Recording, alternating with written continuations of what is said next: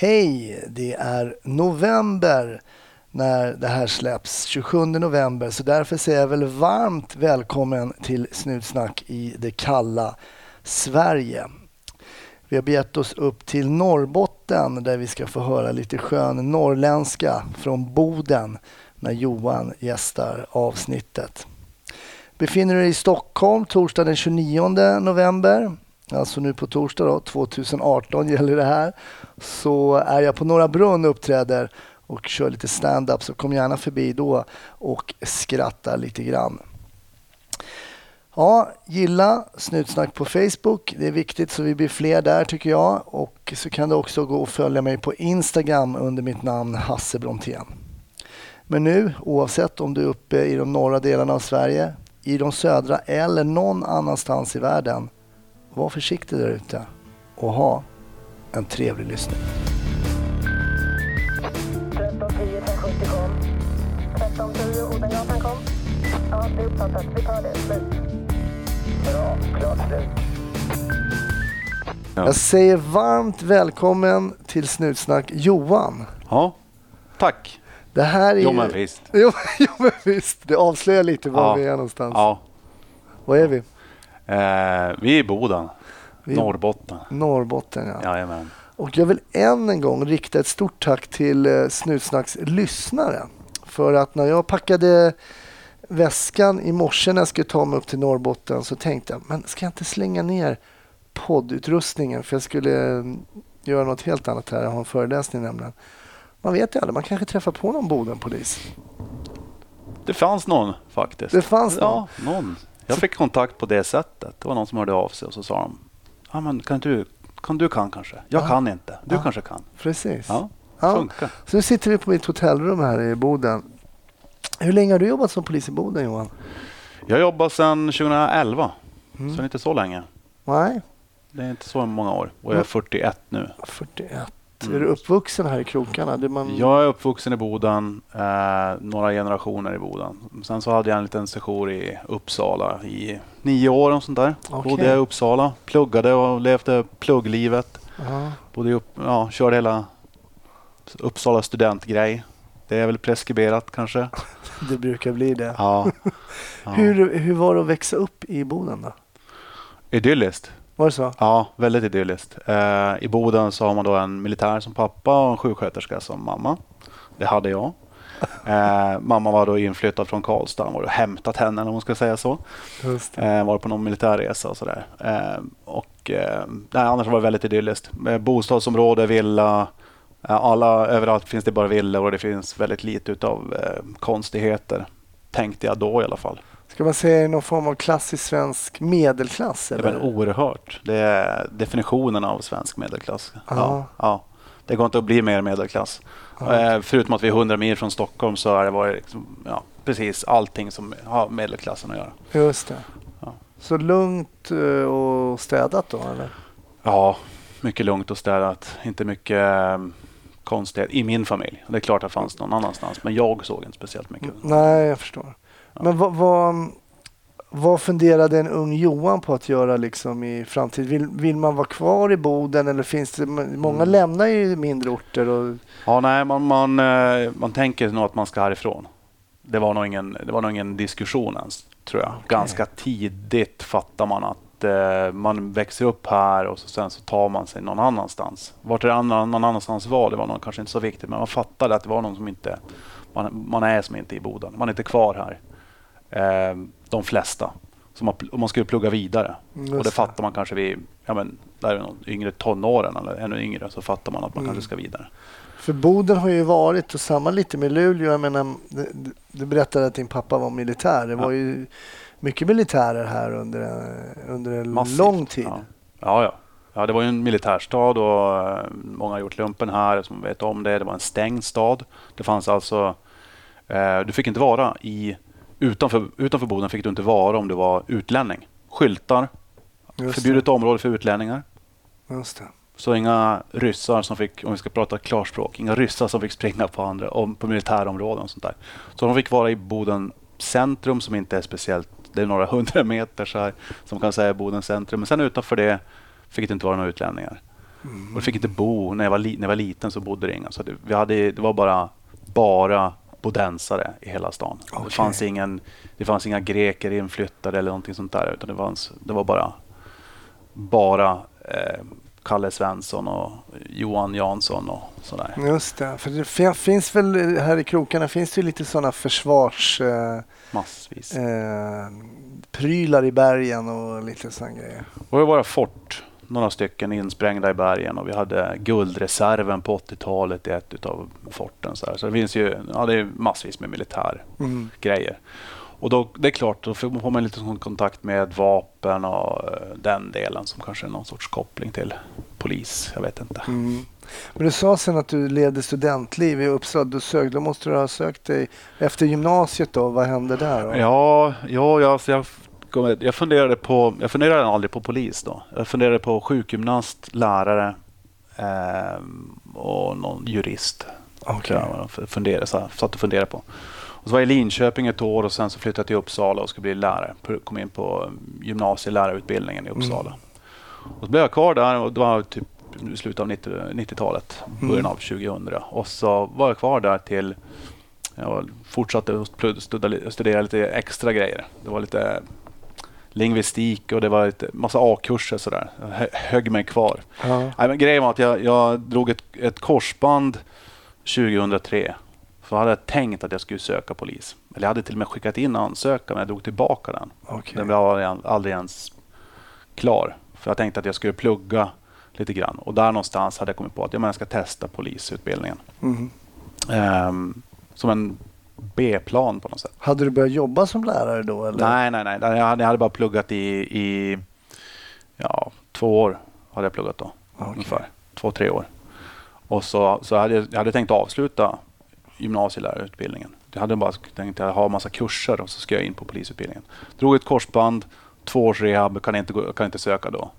Så när jag var klar med det, då bröt jag foten. Då bröt jag högerfoten. Så var en sån där... Eh, eh, Vad är det du håller på med på fritiden som gör att du förstör din kropp mycket? Ja, nej, basket försökte jag mig på. Eh, ver- verkligen bara försökte mig på. Jag var väl sådär en, en happy camper när det var basket. Jag var aldrig speciellt jätteduktig, men bara försökte. Jag tränade ganska mycket. Mm. Blev inte bättre ändå, men, men i alla fall. Inte, inte för lång, inte nog lång för att vara lång. Är man 1,90 så är man ganska kort i laget. Mm. Och jag var inte nog snabb för att vara en kort kille i basket, så det funkar inte riktigt. Nej, just det, för det. Och garden där i basket som oftast kanske lite korta är extremt, brukar vara extremt teknisk också. Ja, och jag var inte teknisk. Nej. Nej. Så jag var ju liksom någon sorts sådär, me- mellanmjölk liksom, så, så flöt igenom sådär. Eh, jag gjorde det coachen sa åt mig, så det funkar ju Mm. som på det sättet. Men det var där du, gjorde, det, du skadade dig? Ja, knät gjorde jag på det sättet. Mm. Foten bröt jag faktiskt när jag, när jag skulle spela fotboll med, jag var på lärarutbildningen, var jag på vikarie, eller så här, mm, på, på en skola och hade någon sorts vikarie, eller vad säga, eh, man testar på att jobba i utbildningen. Mm. Vad heter praktik. Mm. Eh, och så skulle vi spela fotboll mot laget och så satt ju då en 100, 150 elever på läktaren och så ska jag ta emot ett pass och så satte jag inomhusfotboll och så satte jag ner bollen och eh, foten och fick en Brolin-brytning utav benet. Så att foten satt alltså halvvägs upp på smalbenet och hela läktaren bara oh, som ett sus genom. Så här.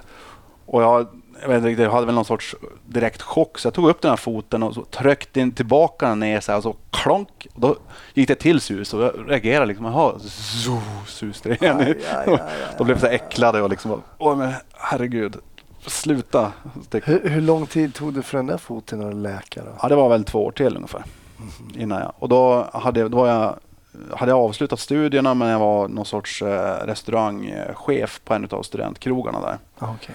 Så att jag avslutade, jag gick från att vara eh, restaurangchef, bar, alltså jag var ansvarig för hela stället. Jag hade en nattklubb eh, för studenter på fredagen. Åkte upp till Umeå och började pl- plugga polis på måndag. Ah, okej. Så det var liksom disk och dunk. Eh, jag slutade väl i mitt... Jag, jag, jag avslutade klockan ja, men tre eller någonting. Så jag packade bilen och så började jag köra upp mot, mot Umeå direkt. Men var kom de här tankarna ifrån? Jag tänker att du pluggade till gymnasielärare och Mm. tog lite extra kurser. Bartender Ja, var man där också. Okay. Bar. Då träffar man på massa fulla människor. Man träffar på... Tänkte du sådana här vill jag jobba med? Ja, vad underbara alla fulla människor är, tänkte jag. Det är ju kul. Men vad, vad, Ja. förutom Men det är det, utmaning då, tror jag.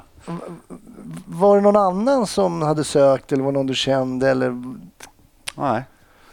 Nej, jag tror inte, nej, jag vet inte riktigt vad. Jag kan inte riktigt förklara det. Det, bara, det var väl bara någon sorts ehm, grej sådär. Jag hade ingen riktig tanke på vad jag skulle göra inom polisen. Var, kände du att, eh, poli- eller förlåt, kände du att lärargrejen inte riktigt var det du hade tänkt dig? Eller? Eftersom du- jo, egentligen. Alltså, det var ju mitt nästa, mitt näst bästa. Så det Aha. finns massvis med andra saker jag inte hade valt. Så jag, hade, jag såg mig själv som en lärare. Mm. Helt klart.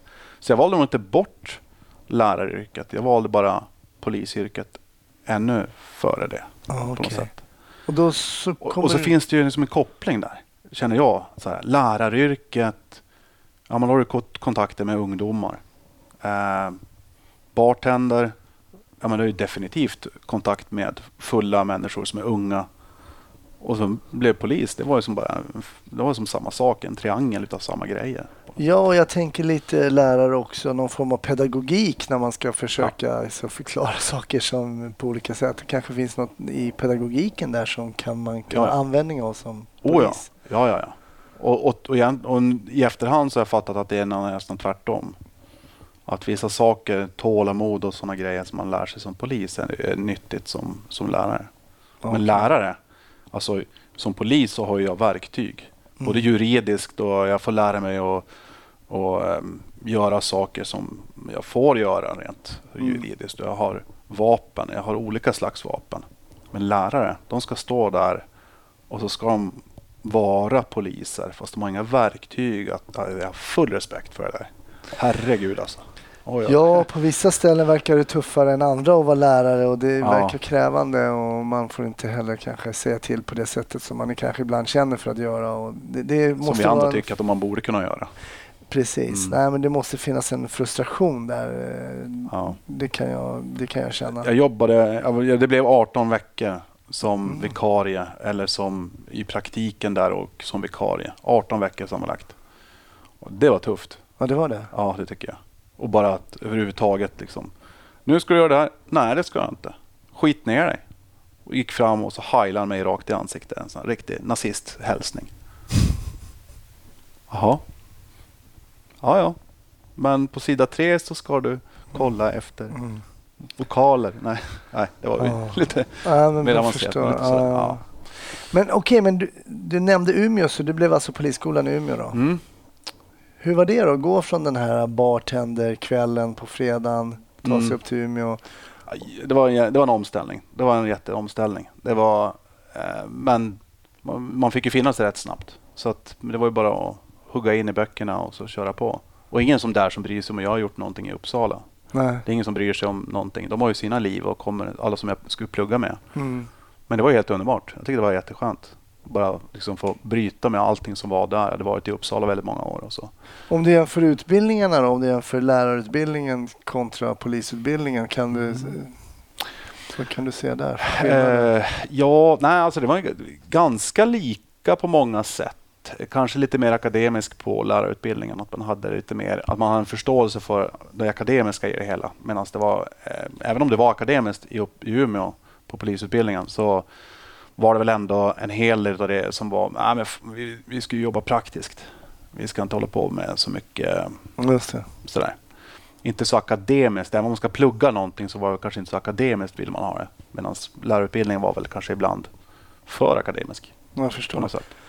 Och vad tänkte du kring de här rent praktiska momenten på polisutbildningen då? Jag tänker på um, självskydd hette det Mm. på min tid. Jag vet Mm. inte vad man kallar. KKS. KKS. Konflikt och ja, vad det nu var för någonting. Aha, självskydd. KKS. Ja, vi ja, kallar det var för själv- självskydd. Självskydd var, jo men det hette det ju. Ja, just det. Eh, och sen har man ju skytte Mm, och bilkörning och bil lite annat grejer. Fys och lite sånt där. Ja, men det är ju, det är ju underbart.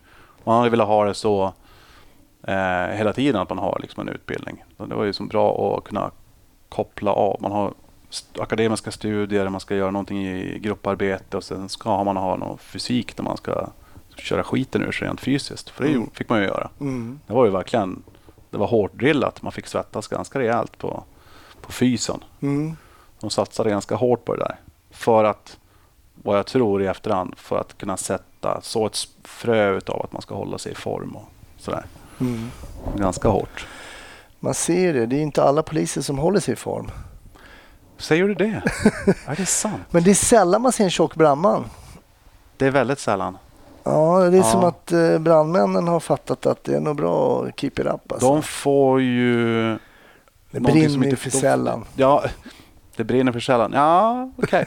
Eh, Alltså jag menar inte att det ska brinna. Jag menar att jag rent, förstår. rent faktiskt att de kanske hinner med och träna kanske. De får ju någonting som inte vi får. De får krav på fysik. Mm, det får precis. inte vi efter skolan. På skolan så har du krav på att klara av fysiska moment. Mm. Du ska simma, du ska springa, du ska göra en hinderbana. Och den är inte ens på tid. Men du ska göra, hinder, du ska göra vissa saker. Mm. Egentligen kontrollerar man bara att du, ska göra, du ska göra styrkeövningar och sånt där också. Ska man, och de är olika för Umeå har, har vissa eh, fysiska krav. Eh, vi hade till exempel isvak. Eh, det har ni inte i Stockholm. Ja, vi hoppade in sånt där i alla fall, kom jag på min utbildning. Ja, men jag tror inte de har kraven just nu. Nej, det kanske vi inte Jag tror de testar om det, om det Mm, går. Sådär. mm. Om, det, om det är förutsättningar så, gör de test, så tror jag de testar det. Men jag tror, eh, som jag hörde så sprang ni en mil. Mm. Vi sprang tre kilometer. Okej. Och, och det är som, man- man, ändrar på det där lite grann. Mm. Men, men man måste ju klara ut av dem för att klara utbildningen. Så klarar du inte tre kilometer på en viss tid, jag tror det var 15 minuter, tre kilometer, då var du tvungen att liksom springa tills du klarat av det. Och jag tror att egentligen bara eh, man kontrollerar att knäna går åt samma håll och att man liksom det är inte mycket mer än så. Man behöver inte ha något fysfenomen. Nej. Men man måste ju träna. Men tycker du, eh, tycker du att man borde följa upp alltså med även färdiga poliser att ha någon form av krav? Sen har man ju krav vet jag beroende på vad du jobbar på för enhet. Om du jobbar kanske på piketen eller insatsstyrkan. Där har vi Mm. kanske de två extremerna. Men det finns ju fyskrav för livvakter. Och för, borde man ha det på en IGV. Ja, jag jobbar ja, på IGV. IGV, alltså Ja. ingripande verksamheten. Ja. Borde man ha lite krav där? Helt klart. Mm. Jajamän. Jag tycker man borde ha som militären på något sätt. Att man har, där har de ju krav att du ska ha en plan. Mm. Du ska ha en plan för din fysik. Ja, vad är din plan för i år? Ja, det är det här. Okej, check.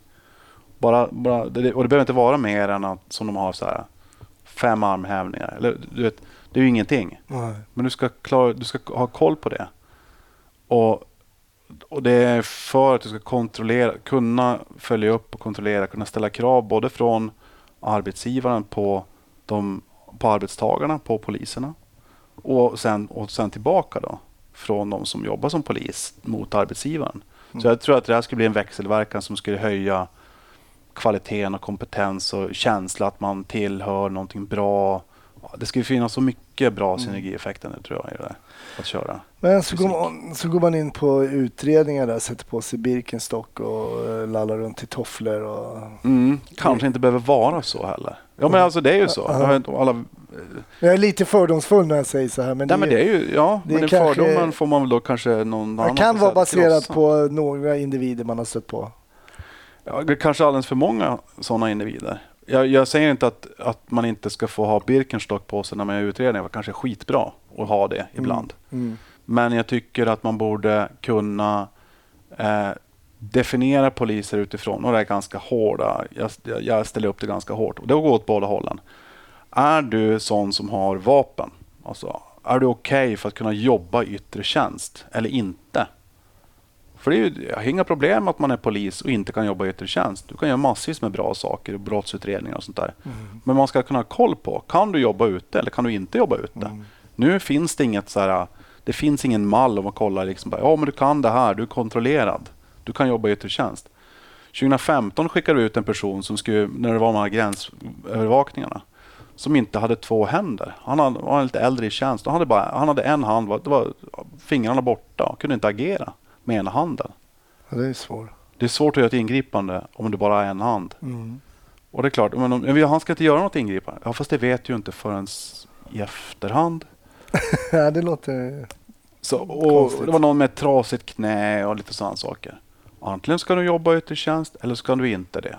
Det finns massvis med arbetsuppgifter de som inte kan jobba i yttre tjänst. Men man ska kunna ha den. Och, och, och kan man då jobba i yttre tjänst, då tycker jag man kan, kan få ställa krav åt båda hållen. Mm.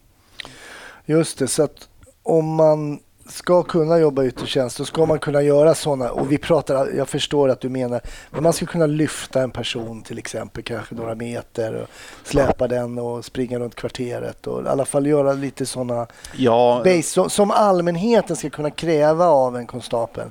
ja, jag tycker att det ska vara ganska låga krav. Alltså det, du ska kunna springa två kilometer. Mm. Och du ska kunna lyfta en docka som väger 70 kilo. Mm. En viss 15 meter eller vad det är för någonting. Mm. Sen tror jag inte det behöver vara så mycket mer än så. För egentligen så upphör ju kraven då när du slutar skolan. Ja. Överhuvud, helt slutar de. Finns inga krav överhuvudtaget. De får inte ställa krav. Överhuvudtaget. Nej. Och det, jag tror effekten det blir, det är att det blir någon som en sakta spiral av ja, nästan lättja. Det, det, man skulle liksom säga, ja men jag vill, jag vill inte, jag bryr mig inte. De flesta, det är ju många som bryr sig. Men det här är ju någonting som vi arbetar ganska hårt med. Ehm, jag, är skyddsombud också Mm, inom mm. polisen. Så, då eh, försöker man ju liksom få folk att träna och med friskvård och sånt där. Och man märker ju direkt att alla de som man försöker få att träna, de som, de som tränar, det är de du inte behöver göra någonting för. Just det. det Varför ska vi ha ett gym eller varför ska vi ha friskvård? Alla de som utnyttjar friskvårdsbidraget och alla de som utnyttjar ett gym, det är de som tränar i alla fall. Mm. Det är en sån klassiker. Det är som på föräldramöten att de som kommer på föräldramöten, alltså de som Mm. inte är där borde vara på Ja. föräldramötena. Ja. Och det är lite samma. Men hur ser, hur ser en dag ut för dig på ingripande verksamheten i Boden? Hur, hur, hur ser en arbetsdag ut för dig ungefär? Ja, den är väl ganska eh, norrländsk på det sättet att vi eh, åker till jobbet och eh, vi rustar på och vi har en utsättning och eh, kollar vilka, hur bemanningen ser ut i Norrbotten. Hur många, och då kopplar vi upp oss video och kollar, pratar med varandra och säger liksom Hej Pite, hej Kalix, hej eh, Gällivare. Och så eh, är det då en som är, har, har, håller i utsättningen. Och eh, sen så sätter vi oss i en bil och så har vi lite så här ett, ett hum om vad vi har för uppdrag. Det kan vara att vi har några prio 5 jobb. Vi ska göra en brottsplatsundersökning eller vi ska göra en, en ehm, vi ska hämta in något vapen hos någon eller vi ska vad det nu kan vara för någonting. Det, finns, det, det kan finnas bög och det är någon som har koll på det. Och så ger de oss det uppdraget.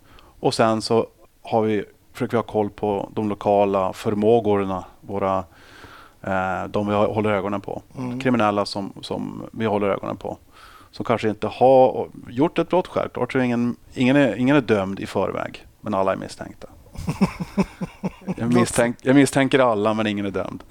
Eh, Det är det där äh, häktade och ännu icke häktade människor. Ja, ungef- ja, ungefär så. Och sen för oss blir det väldigt mycket, vi jagar väl aldrig, väldigt mycket folk som aldrig går till häktning för att det fastnar inte riktigt. Okej. 40-50 brott som ligger i rullarna. Sådär. De måste vi ändå få koll på. Lokala förmågor som jag växte upp med när man växte upp i Boden. Hur är det? Jag tänker jag... De tycker det är ganska schysst ändå. de tycker det. Tjena Johan, tjenare, fan, fan, fan är du snut? Fan, helvete, gick du över till den sidan? Ja, Men hur känns det för dig då att ingripa mot eh, gamla kompisar som du växte upp med och sådär?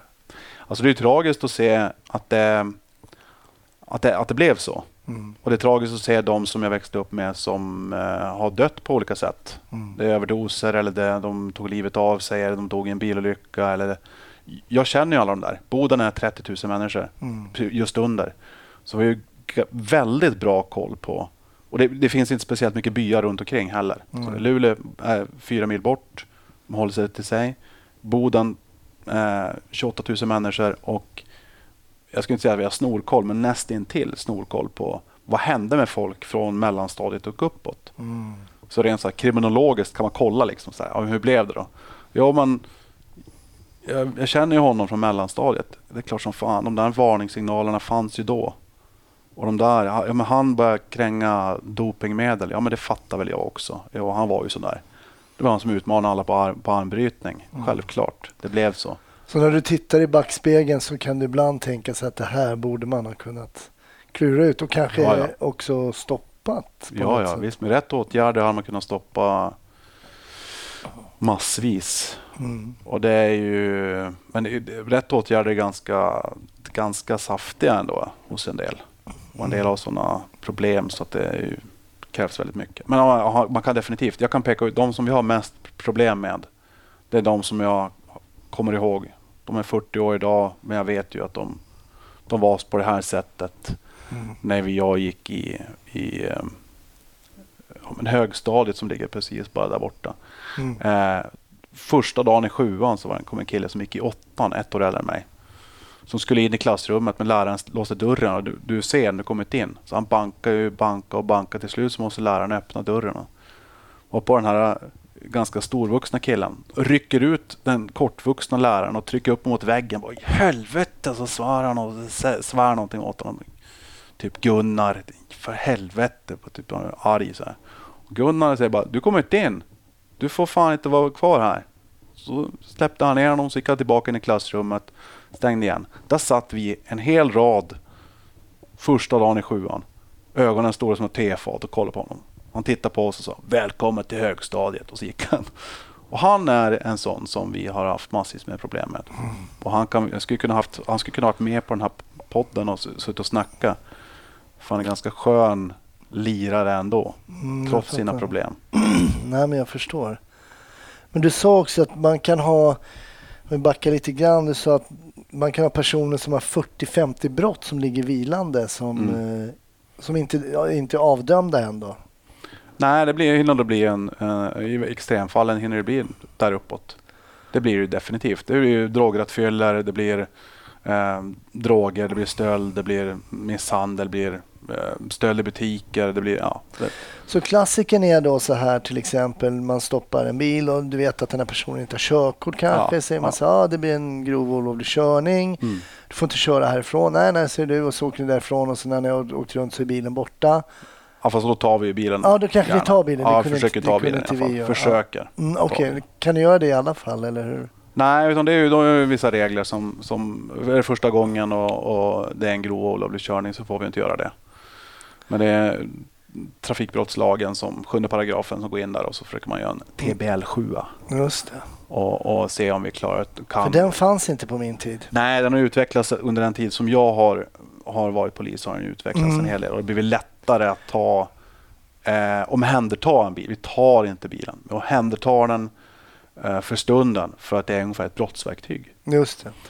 Eh, och det kan ju vara Hur han- länge omhändertas den här bilen då? Får de Ja, det, beror på, det beror på lite grann. Det, det kan ju falla dagen efter. Eller samma dag ifall eh, en åklagare tycker att nej men det är inte nog. Nu har vi inte nog. Eller så faller det dagen efter för nu är det som slutet där man har kontrollerat. Och det är ju väldigt det, det är väl väldigt beroende på vad det är för någon typ av brott. För det kan ju vara ett, ett, en fordon som använts i stöldräder. Mm. Det behöver inte kan vara någonting sådär. Eller så är det bara en bil som används av grov olovlig körning. För att han inte har körkort och använder narkotika. Men kan det aldrig vara så att bilen förverkas? Ja, det blir det. Jo, så blir det ju. Ja. Så vi har ju ett, ett garage fullt med bilar. Mm. Och så förverkas bilarna och förstörs, alltså tas bort, Mm, försvinner. Mm. Och det är de skrotbilarna. Det är Mm. ju de gamla, det är 80-talare, ja, det är 90-talare. Det är gamla bilar. Mm, så jag an- fattar. körs de av, av, av personer som av olika anledningar inte ska köra bil. Just det. Men så samlas och så oftast blir det då när när personen då kallas så paketeras alla de här brotten. Mm. Och oftast brukar, vad, blir det för domar på det här då? Det, Nej, alltså det, det, jo, de får in och, och göra om det är de här och grov då, Fyra månad. månader, Fyra månader. ehm, sex månader. Nu har vi en som, som, vi, eh, som mina kollegor tog eh, för en vecka sedan. Ja, men du ska, han ska in. Då vet man då att ja, men den här personen ehm, han ska in och avtjäna. Så hittar vi honom så ska han in och avtjäna. Hittade honom, tog bilen. Ytterligare ett brott då, grov olovlig körning och det blev nog en eh, rattfylla, narkotika och det var en drograttfylla.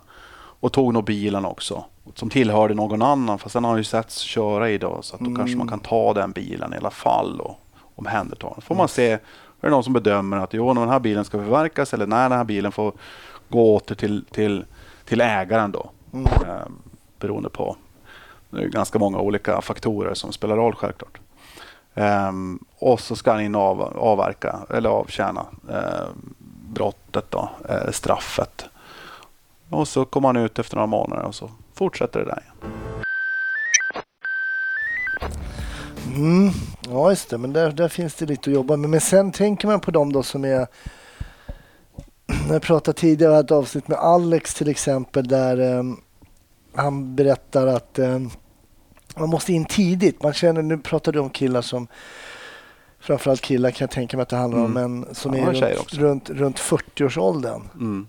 30-40. 30-40 och Mm. Alex som jag 50. syftar till nu, då han menar på att man skulle inreda när de är 12-13 och bryta det här som du var inne på att man såg signaler. Mm. Det är klart man kan bryta det när som helst men jag kan tänka mig att det kanske är svårare ju, ju längre åren går så att säga. Ja, det är ju när missbruket har, har fördärvat personerna. Alltså man, man hittar ju, man säger liksom att ja, men då, den här personen har någon sorts psykisk diagnos eller någon sjukdom, diagnos. Ja, eller vad var hönan och ägget där? Är den för att man har ett sånt leverne och såna, sånt missbruk med tabletter och, och, ehm, och drog, andra droger? Lagliga droger och olagliga droger Mm. eh, som gör det här. För nog många år utav det där så blir det ju någonting konstigt. Så att jo, det är nog före missbruket kommer in som man ska göra någonting. Mm. Om man ska hitta, om man ska göra någonting. Mm. Och de kan ju ha problem i skolan och roten är ju att om man ska kontrollera då är det ju de som har problem i skolan. För att de som har gått igenom skolan eh, betyg och så och sen trillar dit. De är ju försvinnande få. Mm. Så det är ju de som har problem i skolan. Det är ju den absolut enklaste sättet att se. Vilka klarar inte skolan? Okej, här ska vi in med insatser. Mm. Så här. Du nämnde tabletter och missbruk. Eh, Hur mycket knark har ni här uppe i Boden? Runt, runt Boden? allt, är, allt är väl relativt, men vi, det, det syns ju väl. Det syns ju bra här. Mm. Eftersom det är så pass lite folk och, och så där så syns det. Det, jag kan ju, bara under den tid som jag har jobbat, så personer som, jag, som, jag, som jag har ingripit mot som har dött av olika anledningar. De, de, jag skulle säga att de trillar av pin, de bara det, i, i överdos. Men jag, Eh. jag tänker när du säger överdos, då tänker jag heroin. Ja, Eller och det det- trodde jag också. Att det var heroin, eh, men det var väldigt få heroinöverdoser. Alltså. Utan det är ett, de flesta som jag har stött på som har dött av överdoser, det är att de har liksom, kroppen har slagit av efter en längre tids missbruk av bens, blandat bensopreparat, bensodiazepiner Mm. med både amfetamin och morfinpreparat. Mm. Både uppåt och neråt och så sen i mitten det här bensopreparatet som gör att, som de har hela tiden. Just det. Kan- Nu du kan trycka i dig 30-40 sådana tabletter per dygn. Då är du inte vid medvetande ska jag påstå. Nej, du har ingen precis. sömn. Så har du använt en ja, men, 10, 20, 30 stycken per dygn i några år. Då vet du inte vem du är knappt. För du lever i någon sorts surrealistisk verklighet. Där du aldrig drömmer. Det. Så det är, Och en del så- kanske kombinerar till och med med alkohol också, att det blir eh, Jo, den effekten också. Jo, men alltså, det gör ju det. blir ju det. Och de här sömntabletterna, äh, ångestdämpande sömntabletter, gör ju att kroppen bara drar ner på verksamheten. Och då får du i dig lite grann utav ett morfinpreparat så kan det ju vara för mycket. Till slut. Mm. Så är det ju. Mm. Och så blandar du det med alkohol som också är centraldämpande. Mm. Så blir det liksom, kan det bli för mycket.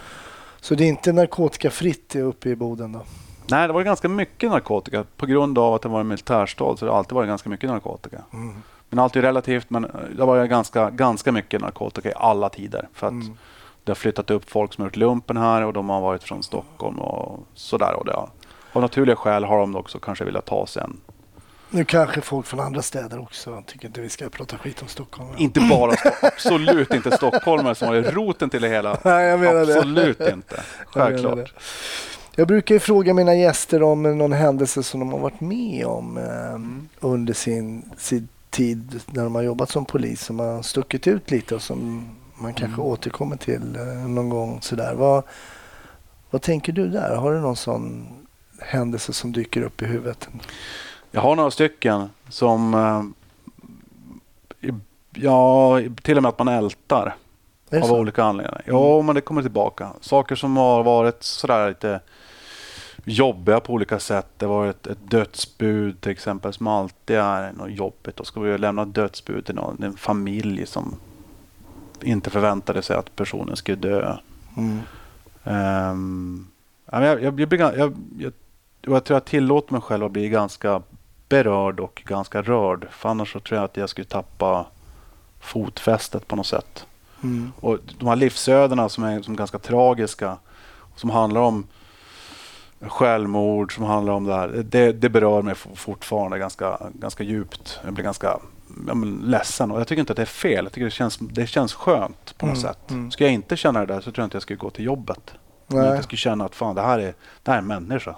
Men känner, känner du aldrig att du har känt att du har blivit lite avtrubbad av det som händer? Jo, som jo, jo. ja, visst. Jo, alltså det blir man ju. Mm. Men det är när det är någon som är vid livet som, som påverkar mig. Det är eh, den dödes flickvän. Dö, det, om det, när, man har, när man ska in i en lägenhet och det är en person som, som de tror är där inne som knarkar, Mm. som missbrukar. Eh, och där utanför står syster, mamma till barnet som personen har men inte längre tillsammans med och nya flickvännen. Tre kvinnor står utanför. Och de tror att han lever där inne. Och jag går in. Det här har du varit med om? Ja. Och han eh, är uppenbarligen för mig absolut inte vid liv. Tyvärr. Mm. Och det råkar till och med vara en person som jag har känt hela mitt liv också. Så jag, som, jag har vuxit upp och vetat vem han är. Jag har inte varit en bra kompis men jag har alltid vetat vem personen var. Mm. Och jag vet också att han missbrukade. Och snabbt bara få stänga igen och sen ta hand om, om de här uh, som bryter ihop totalt. För de tänker ju ändå, de håller ju hoppet uppe in i det sista. När det, det är som, och de tänker hela tiden att ja, men det här kan ju vara, kan, han kan ju dö. Mm. Ni måste in, han kan dö. Och så den här gången blev det att jag kommer ut och säger han är död. Mm. Och det, det är klart, då blir jag knäckt. Mm. Jag också. Mm. Där och då måste jag agera och vara, måste vara Stålmannen eller vad man ska säga. Liksom. Mm. Måste bara leverera. Har du någon strategi för hur du levererar det där då?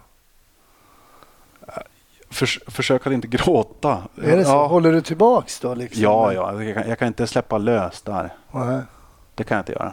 Nej. Men Jag skulle kunna göra det. Skulle det bli... Eh, skulle det vara icke-professionellt om du eh, började gråta där? Om du känner deras, tar in deras sorg eller... Nej, inte på, nå- inte på Jag skulle känna att jag på det sättet, utan mer att jag inte klarar av att göra min arbetsuppgift. Mm. Kanske oprofessionellt på det sättet. Mm. Men inte oprofessionellt utifrån att jag ska ha någon sorts någon bild av att poliser aldrig gråter. Nej, Nej. Nej. så jag har gråtit med vid ett, dödsbud bud, när man liksom berättar Mm. för personen. Men då vet jag att jag ska sitta där i en timme och det är över. Just det. Här var jag tvungen att förklara det här och även och, och vara det stöd som de behövde vara i den situationen. Mm. Jag behövde ta hand om flickvännen som bröt ihop totalt. Och eh, då visste jag också att hon hade haft en annan kille något år tidigare som också hade dött i en överdos. Oj. Så att hon var ju, hon var ju ett vrak Mm. rent. Och det var liksom spill. Och då var jag tvungen att skydda henne. Det var ju nästan livs eh, upphållande åtgärder. Hon, kan hon, hon var på väg ut i trafiken. Ut genom, ut genom dörren, ut på gatan. Och, menar, det var inte, det är ju, där kan ju misstanken gå ganska snabbt att den här personen vill inte heller leva. Även om inte personen är påverkad på något sätt. Men är ju så bedrövad så att det bara bryter ihop. Och nej, jag tar mig av daga. Så då måste man ju skydda den personen. Så då måste man ju. Precis. Ja, Man ja. kan reagera väldigt irrationellt då när man får ett sånt här dödsbud till exempel. Då. Ja. Mm. Och så hade vi, fattade vi misstanke om brott vid det här tillfället också. Så vi var tvungna att göra rätt åtgärder utifrån det också. Mm. Stänga dörren. Det råkade vara två stycken i lägenheten som, var, som vi fann avlidna. Mm. Och då måste vi kolla att det här inte har skett på något onaturligt sätt. Det är onaturligt om man dör av, en, av narkotika men, men det hade kunnat vara någonting annat också. Just det. Du får inte, ni kollar så att det inte har skett något brott så att säga? Ja, och, och det hade gått så pass långt så att jag, jag stängde bara dörren och så tillkallade vi tekniker. Mm. Ehm, men ja, men det, det är sånt där. Så- Sånt berör ju. Sånt berör mig definitivt. Hur, hur berör själva döden dig? Alltså, Um, nej, personen dör. Ja, där är jag väl mer krass.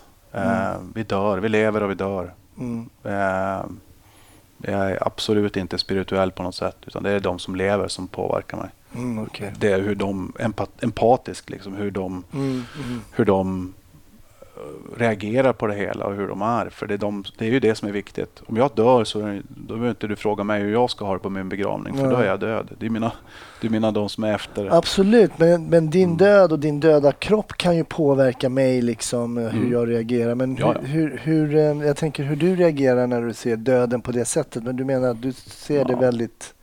En död person Eh, för mig är ju tyvärr, det kommer låta väldigt krasst och väldigt sådär, men det är ju det är inte en människa längre. Det är, eh, det är, en, det är någonting annat. Man märker det där så, så uppenbart när det ligger en död person, för det finns inget liv i den. Det, det går sådär liksom. Det, Mm. Helt plötsligt så är det inte en människa. Och det kan jag inte förklara. Jag kan inte heller gå in och säga att det inte... Jag vet inte om, om det vad som försvinner eller inte försvinner. Men det är Mm. någonting som är borta.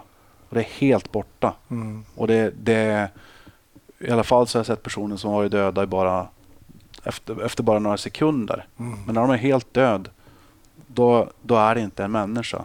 Och det är klart att det är obehagligt. Jag, jag, jag ser hellre på en Disney-film än att träffa på en död människa. Men jag, jag, jag klarar av det utan, utan problem. Mm. En, en person som har ehm, blivit påkörd av ett tåg och tagit, tagit, tagit sig själv av dagar på det sättet ehm, ser ju förvrängd ut och väldigt misshandlad kroppsligt. Mm. Men jag har inga problem att göra bland det värsta vi behöver göra och det är att samla ihop en person som har Mm. Nej, du har inte det. Det. För det känns ju på något sätt att du tänker väldigt ehm, logiskt. Alltså, om man har kastat sig till exempel eh, framför ett tåg Mm. så är det ju, förstår man att en människa, människokropp kan bli väldigt förstörd. Mm. Och det är ju på något sätt logiskt. Ja. Eh, Det är ju fys- fysikens lagar har förstört kroppen. Och så. Men finns det någonting då, du säger att det är för dig, det kan du förstå, det kan du hantera. Men finns det saker i yrket som polis som du inte kan hantera på samma sätt där du kan kanske komma hem, du lägger du släcker lampan och så kan du inte somna på grund av någonting annat. Är det någonting som får dig att kunna ligga vaken? Ja, ja det, är, det är väl orättvisor på något sätt. En annan situation, en person kommer in med missbruksproblem och är också suicidal, säger han själv. Alltså självmordsbenägen. Mm. Kommer in till akutpsykiatrin Mm. och säger att jag behöver hjälp. Eh, Min flickvän har skjutit sig själv. Hon är död och jag har knarkat sedan dess. Och Jag har missbrukat i, i 20 år, säger han också. Mm. Men just nu så jag knarkar rejält och jag vill dö. Men jag fattar att det är dumt. Jag vill ha hjälp. De säger nej. Du, be, du vill bara ha tabletter. Ja, det är klart. Och han blir arg. Och då tillkallas vi och vi kommer dit. Och han, han, han, är helt öppen med det. Ja, men jag vill, det är klart jag vill ha era droger. Mm. Jag, jag vill ha hjälp. Och jag Mm. tror att det är ett av sätten jag får hjälp och det är genom era droger. Mm. Eh, nej, du, du, får bli, du får bli nykter. Du får komma tillbaka sen när du är nykter. Mm. Ja, men är ni dumma? Jag kommer ta livet av mig. Nej, du vill ha droger. Och vi står ju där mitt i det där. Men Vad kan ni göra där som poliser i det läget? medla på något sätt. Vi medlar, vi försöker prata liksom. Men finns det ingen, ingenting ni kan göra? Nej, nej. Överläkaren kommer ner och, och nej, jag gör bedömningen ehm, och de har säkert rätt utifrån de regler som de har. Mm. Jag- jag tror inte de gjorde fel utifrån deras regler. Mm. Men jag gillar inte reglerna som de har. Så kan vi säga. Så de ber honom bara, du kan lämna. Och det har hållit på i en 45 minuter. Och så sen så, sen, men alltså fattar ni inte, jag kommer ju att, jag kommer att ta livet av mig. Ja, du får gå. Ja, eh, vi, har ju ingen, vi kan ju inte göra någonting för att i det där läget, i normalläge, om någon säger jag ska ta livet av mig, så tar vi personen enligt lag och liksom håller fast personen och tar honom till akutpsykiatrin. Men han är ju där. Vi kan ju inte ta honom någonstans. Det är ju där, det är dit vi tar folk. Om det är någon som försöker ta livet av sig.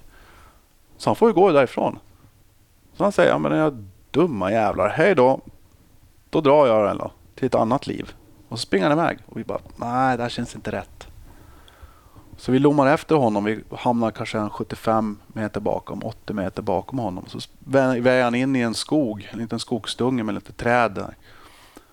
Han börjar liksom börjar lomma på lite snabbare. Ehm, och jag tänker att jag har en, jag har en, en, en sån här Gerberkniv i, i, i bältet. Så jag tar Alltså, upp den och förbereder. Precis, en en sån- fällkniv, fällsax och så. Just just det. Mm. Så jag tar fram en kniv som är eh, räfflad som man kan skära av rep med. Ja, du tänker att han kommer försöka hänga sig? Alltså. Ja, så när, när jag rundar upp där, vi är fyra stycken. När jag rundar upp och går in i den där skogsdungen, då har han hunnit upp ungefär fyra meter upp i ett träd, tagit den väskan, repet från väskan eller eh, den där eh, den snaran. Han har gjort en snara utav Ba, alltså bandet, remmet. remmen till, Ah, ah. axelremmen till, bält, till den där väskan. Mm. Satt runt halsen och han hänger sig precis när jag hoppar upp i trädet så hoppar han ut och hänger sig. Oj. Och jag skär ner honom. För det var det vi tänkte att han skulle göra. Precis det gör han. Så hade vi inte vi gått dit så hade han ju hängt sig. Och han hängde ju då i någon, någon sekund så det hängde han sig i alla fall. Och vi tar, tar honom och sätter in honom i polisbilen och kör tillbaka honom till, till den här akutpsykiatrin och säger Nu kan ni ta in honom. Och de säger nej. Va? Nej, han vill bara ha droger. Ja, men han försökte ta livet av sig. Jag såg det. Och du, då blev jag lite arg. Då, blev man lite, då kanske jag sa några välvalda ord till den där överläkaren. Jag kollade på mig. Nej, han vill bara droger. Och han är helt förstörd. Han ligger i polisbilen och, och gråter. För han är liksom bara så förtvivlad. Och du har precis skurit ner honom från trädet där han hängde sig? Ja, han har märken i halsen. Liksom. Det är inte otvivelaktigt. Och läkaren säger ja, det betvivlar inte det. Men han vill bara ha droger. Bort med honom. Och vi har inget annat val än att eh, enligt lagen om omhändertagande av berusade ta hand om honom. För att han var ju berusad av någon sorts narkotika och han var en fara för sig själv uppenbarligen. Mm. Mm. Men då kan ni hålla han sex timmar då? Ja, då kan vi hålla honom i sex timmar. Och eh, ma- man kan hålla honom så länge så att han blir nykter. Och man kan hålla honom och man kan ha koll på honom. Och, och sen tog det några månader så tog han livet av sig. Han gjorde det. Mm. Men ja, sånt, sånt kan jag bli förbannad på kan hålla mig vaken på natten. Ja, liksom det, den här känslan av att människor kommer i kläm liksom i systemet på något sätt. Det, Ja. det är det. Ja, då, ja, det, då någonstans där. Då skiter jag i om du är Uber, jättehögt upp läkare eller om du är någon annan eller sjuksköterska eller vad du nu än är för någonting. Det här är en människa som behöver hjälp på något sätt. Vad kan vi göra? Ja, men vi har regler. Men jag skiter i våra regler just nu. Mm. Faktiskt. Så det slutade helt enkelt med ytterligare ett eh, självmordsförsök som lyckades då? Ja, jag, jag, vet, jag fick bara reda på att han hade lyckats. Jag vet faktiskt inte hur han hade lyckats, Nej. men han hade gjort det på något sätt. Det där är ju givetvis väldigt tragiskt. Mm. Eh, någons son Ja, som tog sitt liv. Ja, så är det. Så är det. Men så, sånt kan jag bli förbannad över. Sen så, ehm, så tror jag inte det är så mycket annat. Sen blir man avtrubbad. Så är det ju. Mm. Man blir avtrubbad för ehm, alla, alla tragiska saker som händer i, i allas liv. Det är klart man blir avtrubbad. Det här att man blir avtrubbad, är det något form av försvar för en själv också för att liksom klara av nästa grej som kanske också är jobbig eller hur gör man? Stänger man av eller vad är det som händer? Jag tänker första gången du åker fram på Mm. låt säga en trafikolycka eller Mm. eh, En dödsolycka. en dödsolycka, Ja, någon har ja. hoppat från ett tåg. Ja. Om du jämför den med den som hände igår eller förra veckan, vad, vad, vad har hänt däremellan? Varför reagerar man så olika? Eh, nej, jag tror nog att det är att, eh, ja, normaliseringen egentligen. Att man har varit med om det tidigare. Och att eh, självbevarelsedriften, att det, jag kan inte lägga ner lika mycket energi på det. Det tror jag kommer naturligt. Jag tror inte det är någonting som du behöver tänka på. Eh, första, andra, tredje döda kroppen. Ja, då reagerar man för att det är någonting nytt. Mm. Men den tionde döda kroppen är ju inte ny. Nej. Då vet du vad det är du har att förvänta dig och du vet vad du ska göra ungefär. Ehm, då får du fokusera på att göra rätt saker i, i yrket. Då är du någon sorts lämpad för att göra de sakerna också för att du fokuserar på arbetsuppgiften. Just. Ehm, så att, eh, en svår fråga. Jag, vet inte riktigt, jag, jag tror bara att det är någon naturlig process. Mm. Och man märker de som, i min, min, min smak, eller hur jag tänker, det är de som är mogna för uppgiften, är de som klarar av att, att, att, att se allvarligt på situationen. Kanske inte bryter ihop riktigt, men, de, men ändå, det, det ska ta lite grann. Det ska ta varje, varje person som är död eller varje person som har råkat illa ut på något sätt. Det ska ta lite grann igen. Det är min uppfattning. Men om någon folk börjar skämta om det, så här, de plumpa skämt när de försöker liksom skämta bort det hela för mycket. Man ska kunna skämta självklart, Mm. men för mycket. Mm. Eh, ja, men då, då, då märker man liksom att men du kanske behöver arbeta på det där lite grann. Mm. Ehm, det är inte jättevanligt. Nej. De flesta tycker jag, mina kollegor tycker jag, jag blir imponerad av hur de agerar, allt, alltså varenda gång. För att de, det är hela tiden saker som man tycker, shit hur fasen klarar du av det där? Ehm, så jag blir, jag blir ständigt påmind över hur bra kollegor man har Mm. faktiskt. De är helt sanslösa en del. Mm. Jag ska byta samtalsämne lite från eh, någonting väldigt allvarligt som att utsättas för ond bråd död och människor som eh, vill eh, ta sitt liv. Mm. Till underhållning. Ja. Eh, Kör. jag brukar alltid runda av med, ehm, med att fråga hur, eh, hur det är med underhållningen på fritiden. Om du kollar på någon snutserier eller kanske någon Snutserie. Alltså jag, eller polisiärt, po- polisfilmer. Ja, nej, det, är inte så, det är inte så mycket sådana snutfilmer eller snutserier eller någonting sånt där. Jag, jag kollade på, jag, jag, jag roade mig mest med att kolla åt andra hållet. Jag kollade på, eller ja, det är en snutserie, Dexter. Mm. Det var ju en snutserie fast det var ju han som var mördaren. Men, Mm. men, men på något sätt. Så det kollade jag en hel del på. Men eh, när det var i alla fall. Mm. Det är några år sedan nu i och för sig. Dexter har vi faktiskt inte haft uppe som ett tips till lyssnarna än. Men jag, Det är ett bra tips. Ja, ja. Snutserien, Dexter, hela, alla, alla säsonger. Jättebra. För han var ju alltså snut.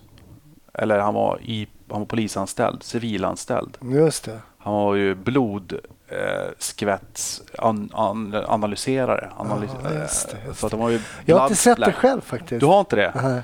Nej. Eh, blood splatter analysis var han. Så han står ju så här och slår sönder saker, så skvätta på väggarna. Okej, då stänker blodet på det där sättet. Ja, så, han kunna, så han är ju brottsplatsundersöks... Han är ju CSI ungefär. Så inte snut med pistol, men han var ju inne i polishusen och sådär. Och så hade han en syster som var polis och hans farsa var polis och sådär. Men så blir han själv eh, mördare eller? Ja, man försöker göra någon sorts story kring att eh, han gör rättfärdigade mord. Han mördar ju bara mördare. Okej. Så han- att det, är, men, och det är kanske moraliskt så funkar det ju inte alls. Men, men är en eh, skön polisserie, snutserie. Okej, har ni tipsat på, om Dexter tidigare så då tipsar jag om Dexter. Bra Johan. Mm. Det är bra att komma in med nya tips. Det Mm. gillar vi. Det, Fast gillar en vi. gammal serie. det gör ingenting Ja. alls. Vi har Ja. haft eh, Mannen på taket tror Oj, jag och eh, I lagens namn eh, tipsade Martin Melin om och den är väl från eh, tidigt 80-tal eller något Ja. sånt där med Stefan Sauk som spelar Ja, Bad, det. bad Cop. Mm. Så att det har kommit riktigt gamla eh, filmer och serier som, som tips här. Mm. Jag bugar och jag bockar för att du tog din tid att komma till mitt hotellrum här i Boden och var vara mitt gäst i nöje. Snus. Ja, Jättetrevligt, Johan. Mm. Tack så jättemycket. Tack själv. Tack.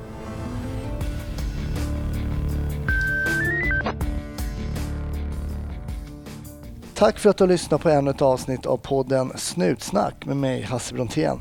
Gå in och gilla Snutsnack på Facebook. Följ mig på Instagram där jag heter Hasse Brontén. Ha en fantastisk vecka så hörs vi nästa. Ha det bra.